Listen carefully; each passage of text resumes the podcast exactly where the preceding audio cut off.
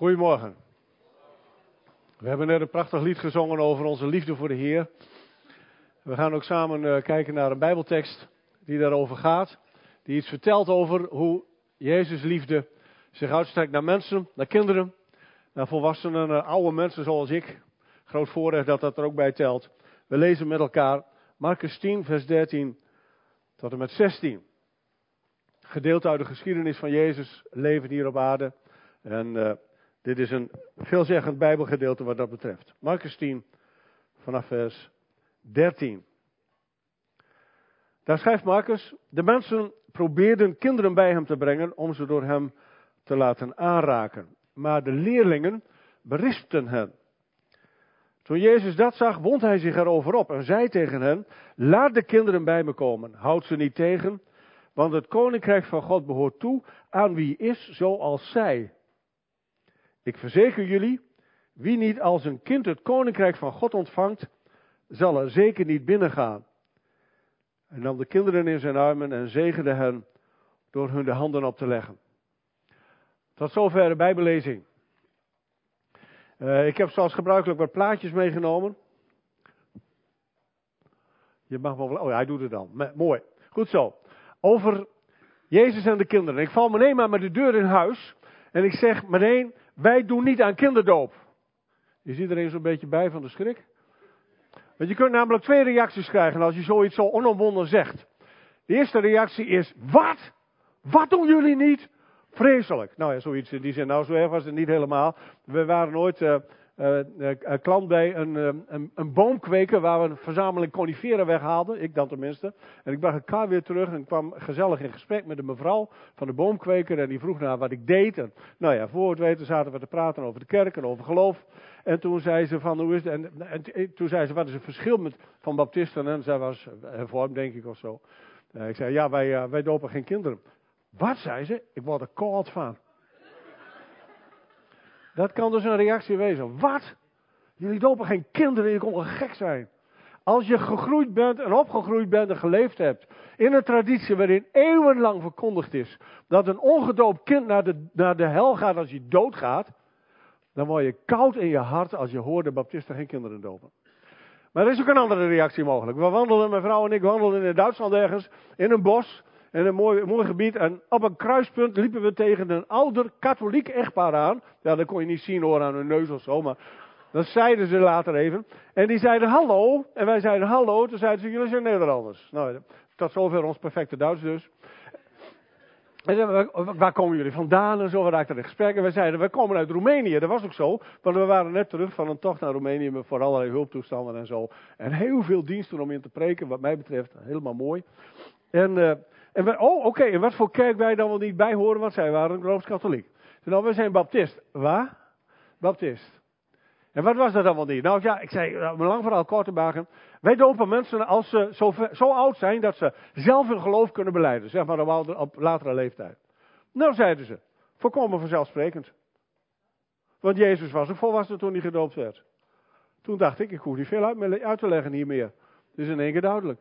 En daarna was het gesprek ook over. Zij gingen hun weg, wij gingen onze weg. Toen dacht ik, ja, zo'n reactie kan dus ook. Hoe zit dat eigenlijk met de kinderen? Hoe zit dat uh, met de kinderen die wel of niet gedoopt worden? Ik heb de plaatjes, nou ja, een streep door een uh, kinderdoop en een mevrouw die roept, wat? Dat is allemaal wat je kunt tegenkomen. Hieronder in de hoek, daar vind je een plaatje van de baptistengemeente Jabes in Musselkanaal. Uh, die een foto gemaakt hebben van een echtpaar dat hun kinderen laat opdragen. Nou, dat is voor een mooi plaatje. Ik denk, laat ik die er even doen. Want dat is wat wij wel doen. Wij doen wel degelijk wat met de kinderen. Wij, wij dragen ze op in de dienst. En dat betekent dat we, uh, ja, dat ze met, uh, met pa en moe op podium komen. Als ze zelf kunnen lopen, dan uh, mag dat. En als ze dat niet kunnen, worden ze gedragen. En soms dan krijg ik ze even op de arm. Wat altijd wel een spektakel is, want dat zijn, vinden ze niet altijd even fijn. En dan denk ik altijd, het is maar goed dat ik de microfoon heb en jij niet. Want dan kan ik tenminste bidden op een manier die uh, verstaanbaar is voor iedereen. Dan geef ik het kind weer terug aan pa, ma enzovoort. We dragen hun op aan de Heer. We zeggen, Heere God, dit is een kind dat u geeft. En wij, wij ontvangen het met elkaar. Niet alleen de ouders, maar de hele gemeente ontvangt het. We zijn allemaal met elkaar verantwoordelijk. Ook voor dit kind wat ik even vast mag houden namens jullie allemaal. We zijn u dankbaar dat u dat doet. We zegenen het kind als het ware. En daarmee doen we iets wat lijkt op wat Jezus doet. Ik moet zeggen dat dat, dat duurde wel even voordat bij mij dat begon te dagen. Helemaal in het begin van mijn werkzame leven, toen was het helemaal niet gebruikelijk om kinderen aanwezig te hebben in de dienst als er zeg maar voorbeden voor hen gedaan werd als baby. Ik weet nog wel dat uh, dominee Romke Reiling in Hoge Zand, ja dat weet ik zelf niet hoor, maar mijn ouders vertelden me dat. Want hij, ik was de eerste baby die hij mocht opdragen in zijn nieuwe gemeente in Hoge Zand, Beukemerstraat. Maar ik was er niet bij hoor, ik, dat weet ik ook niet, maar dat hoorde ik dan ook weer later. Maar ik lag ergens in een wieg of zo. Maar dat was niet gebruikelijk, want het moest ook vooral niet lijken op een kinderdoop. Dat was een hele verwarrende toestand natuurlijk als je kinderen dan ook nog weer in de baby's in de dienst liet komen. Nee, dat mocht niet. En tot in mijn tweede gemeente in Leeuwarden waren er mensen die daar haken en ogen mee hadden. En die, iemand belde mij op een zaterdagavond, zo gaat het dan meestal, vlak voor een dienst waarop op zondagmorgen een baby zou worden opgedragen, met kinderen al erbij. En die zei, ja, een vrome broeder, die zich wel erg zorgen maakte over of het allemaal wel bijbelgetrouw genoeg was in de baptistengemeente, en met name bij dominee de Vries. En ja, ik vind dat eigenlijk nergens in de Bijbel terug. Nou, toen had hij het mis natuurlijk. Oh, wat had hij het mis, die arme man. Want ik kon zeggen dat het in drie evangeliën voorkwam. Saskia heeft het net al even genoemd. Perfect. Is inderdaad zo. Drie plekken in de Bijbel, in het Nieuwe Testament, waarin staat dat Jezus de kinderen bij zich laat komen. Dat hij ze vasthoudt, dat hij ze zegent, dat hij hun, uh, van, hun knuffelt als het ware. Hij doet het gewoon voor. Ik bedoel, hoezo staat het niet in de Bijbel? Oh ja. Ik moet er eerlijk bij zeggen, die broeder hebben we nooit weer gezien. Dus het antwoord heeft niet echt geholpen in die zin. Misschien was ik wat enthousiast in mijn uh, beantwoording. In elk geval. Over Jezus en de kinderen. We hebben een of ander mooi plaatje gevonden. We hebben natuurlijk geen foto's ervan van die tijd. Uh, en twee werkwoorden, twee groepen werkwoorden spelen in het Bijbelgedeelte een heel belangrijke rol. Dat is aan de ene kant uh, de groep die gaat over belemmeren en tegenhouden. Dus de, niet erbij, een muur ertussen. Uh, kinderen die horen niet direct enzovoort, die moeten er buiten blijven. En aan de andere kant het ontvangen en het zegenen. Twee groepen die tegenover elkaar staan. En de groep die vooral van het belemmeren en tegenhouden is op dat moment, dat is de groep van de leerlingen. Zou je niet van verwachten, maar goed, die, die doen dat. En de, degene die daar tegenover staat is Jezus zelf. Die zegt, nee, zo moet het niet, het moet anders. Laat ze vooral bij mij komen. Nou, dat is dan wat er, ja, wat er ook gebeurt. En je moet erbij bedenken dat het helemaal niet ongebruikelijk is in eh, Israël en was in Israël om kinderen te zegenen. Of om, kinderen, uh, om voor kinderen te bidden. Uh, je komt in de Bijbel een heel stel voorbeelden tegen van, van mensen, van mannen vooral, die aan het eind van hun leven hun kinderen zegenen. Een zegen meegeven. Er zijn wat spannende verhalen over in Genesis. Uh, tot, op de tot op deze tijd kun je meemaken dat er bijna ook vandaag bereid zijn om te bidden voor een kind. Gewoon als je in Israël bent, ook om te bidden voor jou trouwens. Overkwam mij een keer, uh, de eerste keer dat ik in Israël was, daar de tweede dag zat mijn hoofd helemaal vol met gegevens. En ik werd, ik werd er bijna duizelig en draaierig van. En we kwamen in het binnenplein van de synagoge. En uh, daar zat een rabbijn. En de gids die vertelde ons, als je een shekel in zijn hoed gooide, dat hij je zou zegenen. Dus ik was er wel redelijk beroerd naartoe door al dat uh, op, op, van al die gegevens die ik tegenkwam. Ik gooide een shekel in zijn hoed. Maar hij keek net de verkeerde kant op, dus er gebeurde niks. Dus ik riep de gids erbij. Zei, kom op, zeg, leg, zeg eens tegen die man dat ik er een shekel in gegooid heb. Ik ben wel een Nederlander. Ja, ik wil waar voor mijn geld. Nou ja, dat heb ik niet helemaal gezegd, maar bij wijze van spreken. Hij stak een heel verhaal af in het Ivriet tegen de, de, de, de, de rabbijn. Die race overeind. Begon met luide stem een iets uit te spreken. Ik heb geen idee wat. Maar wat me wel opviel, dat was dat er steeds meer mensen bijkwamen. En ze begonnen steeds harder te lachen. En bij elke volgende stuk van zijn zin begonnen ze nog harder te lachen. Ik denk, mijn hemel, wat zegt die man wel niet? Wat voor zegen stort hij over mij uit? Nou, toen liep ik, ik later de, de gids en ik zei, wat zei hij nou allemaal? Wat, ja, ja, hij zei, hij zegende jou, je vrouw, je kinderen, je kleinkinderen, je achterkleinkinderen, vierde, vijfde, zesde geslacht. En je huis, en je haard, en je auto, en je fiets, en je kat, en je hond. Vandaar dat die allemaal zo vreselijk moesten lachen natuurlijk. Daarna, ik moet het verhaal even afmaken, want het is een heel raar verhaal eigenlijk, want ik was nog steeds beroerd. We gingen naar het hotel terug, we kwamen naar de maaltijd, ik keek de maaltijd aan, de maaltijd keek mij aan en ik dacht, dit komt niet goed. Ik zei tegen mijn broer die mee was, ik ga nog beren, want ik ben nijgoud. Dus mijn broer liep met me mee naar boven en ik kwam weer beneden en vertelde me later dat hij nog maar net op een plek zat. Als de reisleider, collega Henk Koekoek, die nog geen idee had wie die in zijn gelederen had op dat moment. Dat was ook heel lollig. Die zei, beste mensen, er is iets heel leuks gebeurd vanmiddag. Dominee de Vries heeft de zegen ontvangen. Waar is dominee de Vries? En mijn broer zei, hij is ziek, hij ligt op bed. Ik weet niet wat voor consequentie of conclusie ik eraan moet verbinden.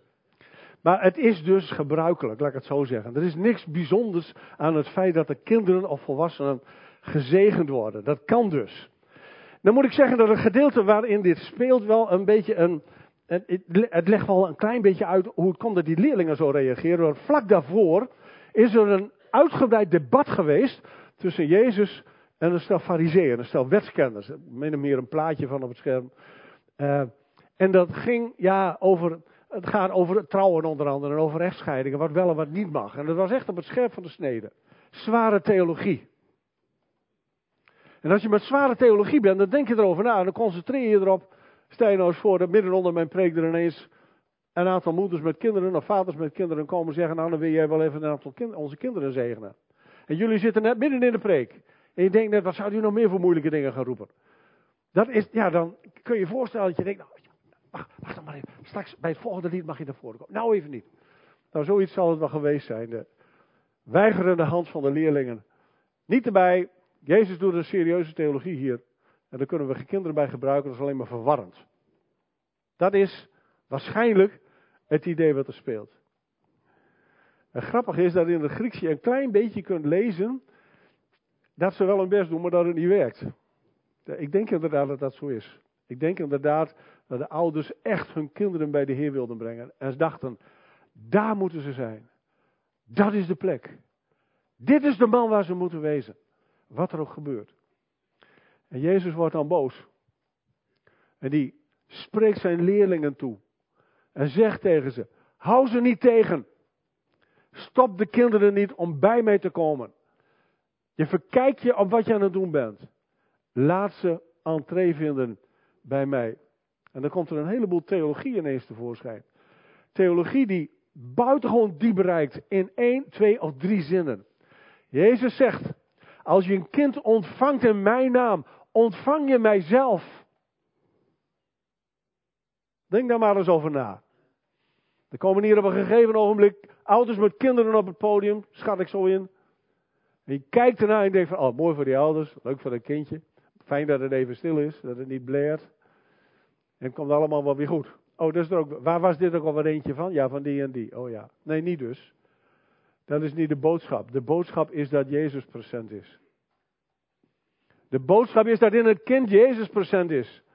En dat is de manier dus waarop leerlingen moeten leren kijken naar, naar de kinderen. En wij dus ook. Wie mij ontvangt, zegt Jezus en vervolgens achteraan, om het nog veel scherper te maken. Ontvangt hem die mij gezonden heeft. Dan spreekt hij over de God die hemel en aarde gemaakt heeft. Mensen en alles wat bestaat. Een groene gras buiten, de zon die schijnt. Alles wat er hier op aarde te vinden is. Gemaakt door zijn machtige scheppende hand. Die komt binnen. Het is God zelf die binnenkomt. Als je maar goed kijkt met ogen van geloof. Dan zie je in de kinderen wat God bedoeld heeft. Wat God wil veroorzaken, wat hij wil maken, wat hij wil laten zijn, wat hij wil laten gebeuren. Je ontvangt niet alleen mij, je ontvangt hem die mij gezonden heeft. En dan als klap op de vuurpijl zegt hij erachteraan tegen die volwassen leerlingen. Pas als je wilt worden als een kind, kom je mijn koninkrijk binnen. Hij zegt niet tegen de kinderen, dan moet je horen, lieve kinderen, dan moeten jullie allemaal braaf zijn en geen zonde doen enzovoort. En als je dan heel erg je best doet, dan mag je misschien wel in mijn koninkrijk binnenkomen. Hij zegt helemaal niks tegen de kinderen, behalve dat hij ze zegent. Maar hij spreekt de volwassenen aan, de grote mensen. Het zijn niet de kinderen die als volwassenen moeten worden. Het zijn de volwassenen die als kinderen moeten worden. In hun vertrouwen op de levende God. En in hun vertrouwen op Jezus, die de redder van mensen is. Want zo kom je Gods Rijk binnen. Ik weet ook dat dat zo is. Ik weet dat iedereen die een geloofskeuze gemaakt heeft, een drempelervaring heeft gehad. Ooit, op het moment dat je te geloof kwam, of misschien rondom de doop, of hoe dan ook. Maar dat er een ervaring was waarbij je dacht, nu moet ik ergens doorheen, want anders kom ik daar niet. Dat is waar Jezus het over heeft.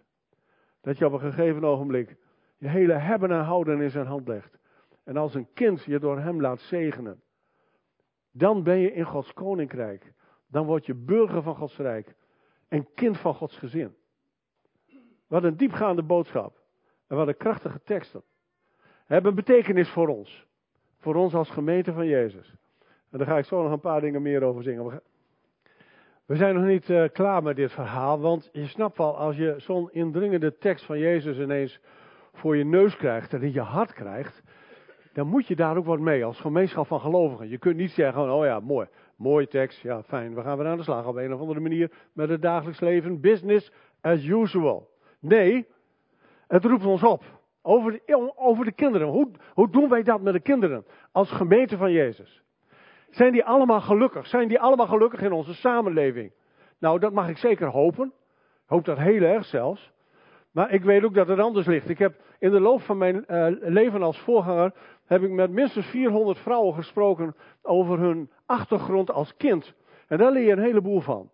Daar leer ik onder andere van dat er vijf grote traumavelden zijn. En die heb ik maar even voor alle zekerheid op het scherm gezet. Dat je tekort hebt als kind, dat je tekort krijgt als kind. Dat kan uh, psychisch wezen, dus mentaal zeg maar, qua genegenheid. Dat er geen liefde is, dat het loszand is, dat je maar je gang gaat, dat je verwaarloosd wordt. Het kan letterlijk zijn, lijfelijk. Dat je, dat is die geraakt krijgt in goed Gronings. Dat je niet krijgt wat je nodig hebt aan voedsel, aan kleding, aan fysieke veiligheid. Het kan te maken hebben met geweld.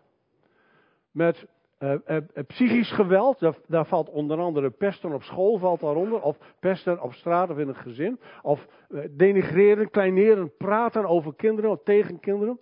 Het kan fysiek zijn, lichamelijk, dat je mishandeld wordt, dat je geslagen wordt op momenten dat er volstrekt, nou ja, dat is volstrekt verboden gelukkig in Nederland. Maar dat, dat, dat is heel vaak voorgekomen. Ik sprak met iemand die zei dat hij een goede vriend had, die werkelijk een hele stoere boy was. En die met een brede grijns op zijn hoofd kon vertellen dat zijn vader hem regelmatig van de trap naar beneden gooide. Dan denk ik, och hele jongetje, waar ben jij? Mag ik even met je praten? Het is de vraag wie dat zal willen natuurlijk. Want dat zijn dingen die je graag verstopt. Lichamelijk geweld. En er is een combinatieveld, ik heb het er al vier gehad, er is een combinatieveld. Dat is het seksuele geweld, dat heeft met incest te maken. Dat heeft met allerlei vormen van seksueel misbruik te maken. Daar combineert dat alles in. En het eigenaardige is dat de mensen die het laatste meemaken, vaak zeggen: het eerste trauma wat ik genoemd heb is het ergste. Namelijk dat je geen liefde vond. Dat er geen genegenheid was. Dat soort dingen. Dit komt voor in de werkelijkheid. Er komt meer voor dan je denkt. En het duurde een hele tijd voordat we dat ook als kerk door hadden. En ik ben blij dat het zo is nu. Maar het is ook iets wat scherp op je netvlies moet blijven. Want niet alle kinderen in de samenleving en in de wereld zijn gelukkig. Ik doe er nog een schepje bovenop. Ik weet niet of jullie deze charmante jonge man kennen. Zijn de moloten in de kerk trouwens? Weten jullie wat moloten zijn? Dat zijn geen maloten. Het is een onderdeel van maloten. Molloten zijn mensen die vurig kijken naar de mol. Ah, nou herkennen een aantal mensen de beschrijving. Als je daar verslaafd aan bent, ik ben daar enigszins verslaafd aan, moet ik zeggen. Dan ben je molloot. Nou, dan weten jullie dat even. En dan ken je deze jonge man ook. Want die was gisteravond nog op het, uh, op het scherm. Dat is uh, Daniel Verlaan. Uh, en hij is onderzoeksjournalist bij RTL 4. En een aantal jaren geleden kreeg hij een, een, prijs vanwege een baanbrekende documentaire die hij uitbracht. Een onderzoek dat hij gedaan had op het dark web. Dat, is, dat zijn de onderste regionen van het internet. Waar gewone mensen uh, surfen op internet om te kijken of de zon vanmiddag ook schijnt. En of de trein ook rijdt. En hoe het zit met onze financiën. Daar kun je ook, en dat raad ik jullie niet aan, diep in het illegale circuit van het internet terechtkomen. En daar vind je dat alles te koop is. Als je wilt weten wat er in openbaring 18 staat over Babylon, de goddeloze stad van de mens, dan moet je kijken op de, in het dark web. Doe dat niet vooral. Kijk maar naar openbaring 18. Want daar staat het compleet beschreven. Hoe er gehandeld wordt in alles wat er maar te koop is. En alles wat verboden is. En hoe er gehandeld wordt in mensenzielen. Wordt met naam en toenaam genoemd in het boek openbaring. De Bijbel is accuraat als nooit tevoren. Daarover heeft Daniel Verlaan, niet over het boek Openbaring, maar over het dark web, heeft hij een indrukwekkende reportage gemaakt. En hij trof op het dark web, voor zover hij kon onderzoeken, 400 Nederlandse kinderen in kinderporno voorstellingen. 400 stuks. Ik praatte daarover met een, een officier van politie die daar uh, wat over te zeggen had. Die zei, ja, dat waren allemaal oude zaken.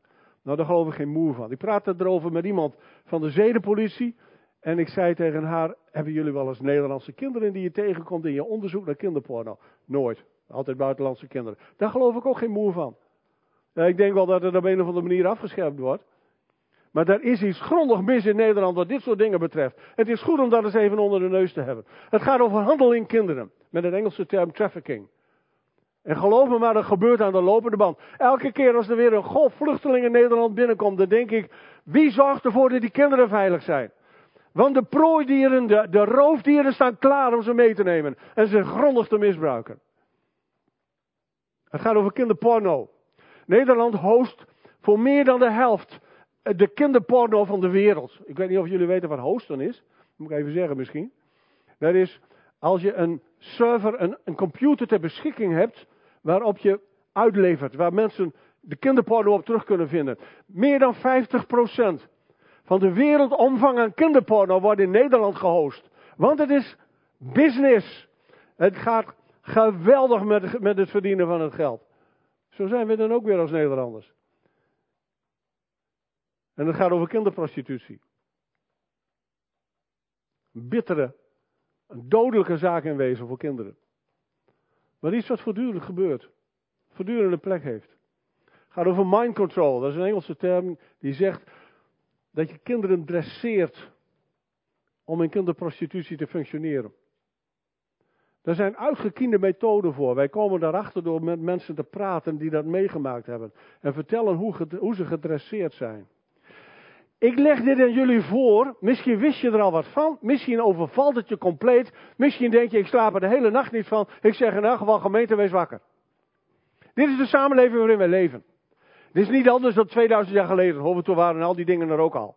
Satanisme was er toen ook al. Ritueel geweld was er al. Kinderen werden geofferd. Kinderen werden misbruikt. Op allerlei manieren. Was toen zo in de tijd van het Nieuwe Testament. In de tijd van Jezus. Is nu nog steeds zo. Mensen zijn niet veranderd.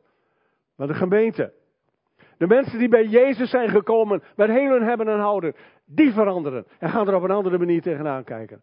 En gelukkig ook nog een heleboel andere goedwillende mensen die bereid zijn om er wat aan te doen. Dit is de bittere werkelijkheid van de samenleving. En hoe werkt dat in de kerk? Daar moeten we nog wel even over hebben natuurlijk. Je kunt wel zeggen van alles wat buiten die, die muren is en zo. Hè. Daar is de slechtheid. En hier is het koninkrijk van de Heer present op een manier dat we allemaal heilig zijn. Nou, dat is niet helemaal realistisch, denk ik. Tenminste, niet wat mij betreft. Ik ben niet helemaal, wat dat betreft, compleet schoon zoals jullie eh, waarschijnlijk ook niet. We weten er eigenlijk wel genoeg van, toch ook? De, de verhalen over misbruik in kerkelijke situaties, eh, die zijn losgebarsten. De Rooms-Katholieke Kerk heeft het heel erg over zich heen gekregen. En nog steeds. Maar er zijn ook hele andere kerken hoor, die het eh, te horen krijgen. En geloof me maar, ook de evangelische beweging is er niet vrij van. Belangrijk om te bedenken. Er is seksueel geweld ook binnen de kerk. Er zijn schaduwclubs achter kerkelijke organisaties die kinderen structureel misbruiken. Ik ben daar tegenaan gelopen in mijn pastoraat. Het bestaat gewoon. En als je dit weet, dan weet je ook waarom je op scherp moet staan voor de veiligheid van de kinderen.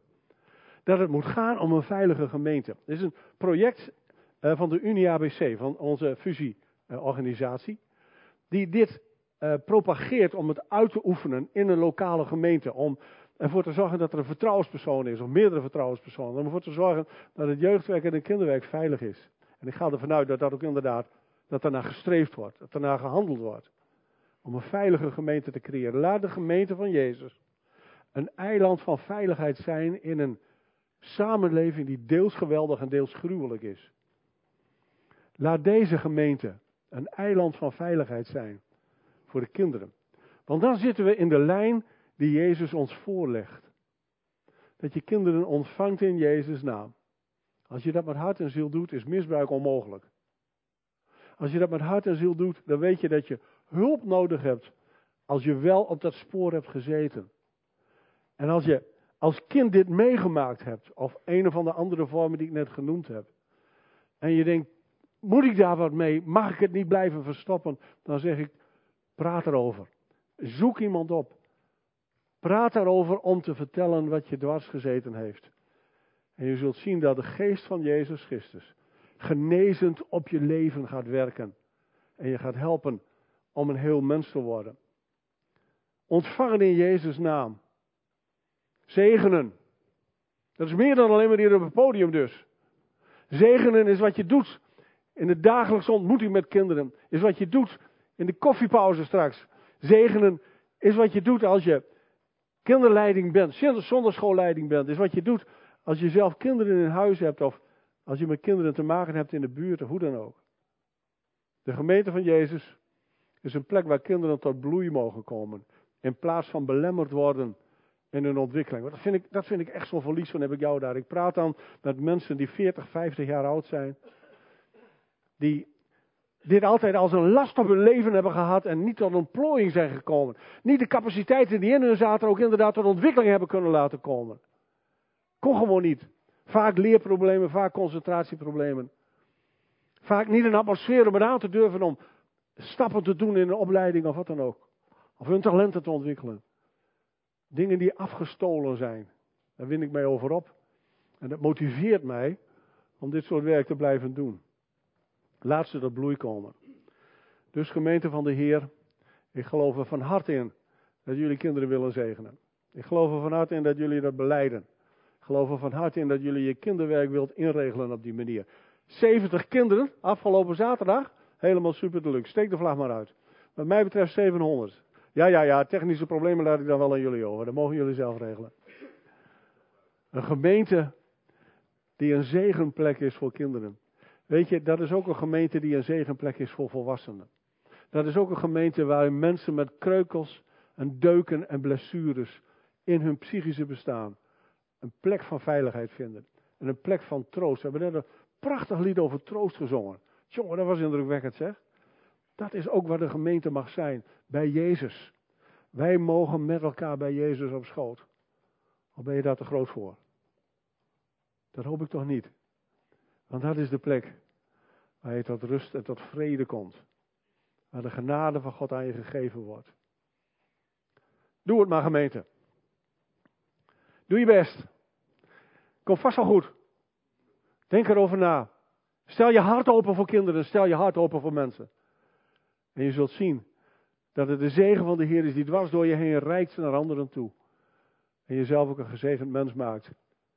En een gezegende gemeenschap die van betekenis is voor deze wereld. Mogen de Heer jullie en ook mij daarin zegenen. Amen.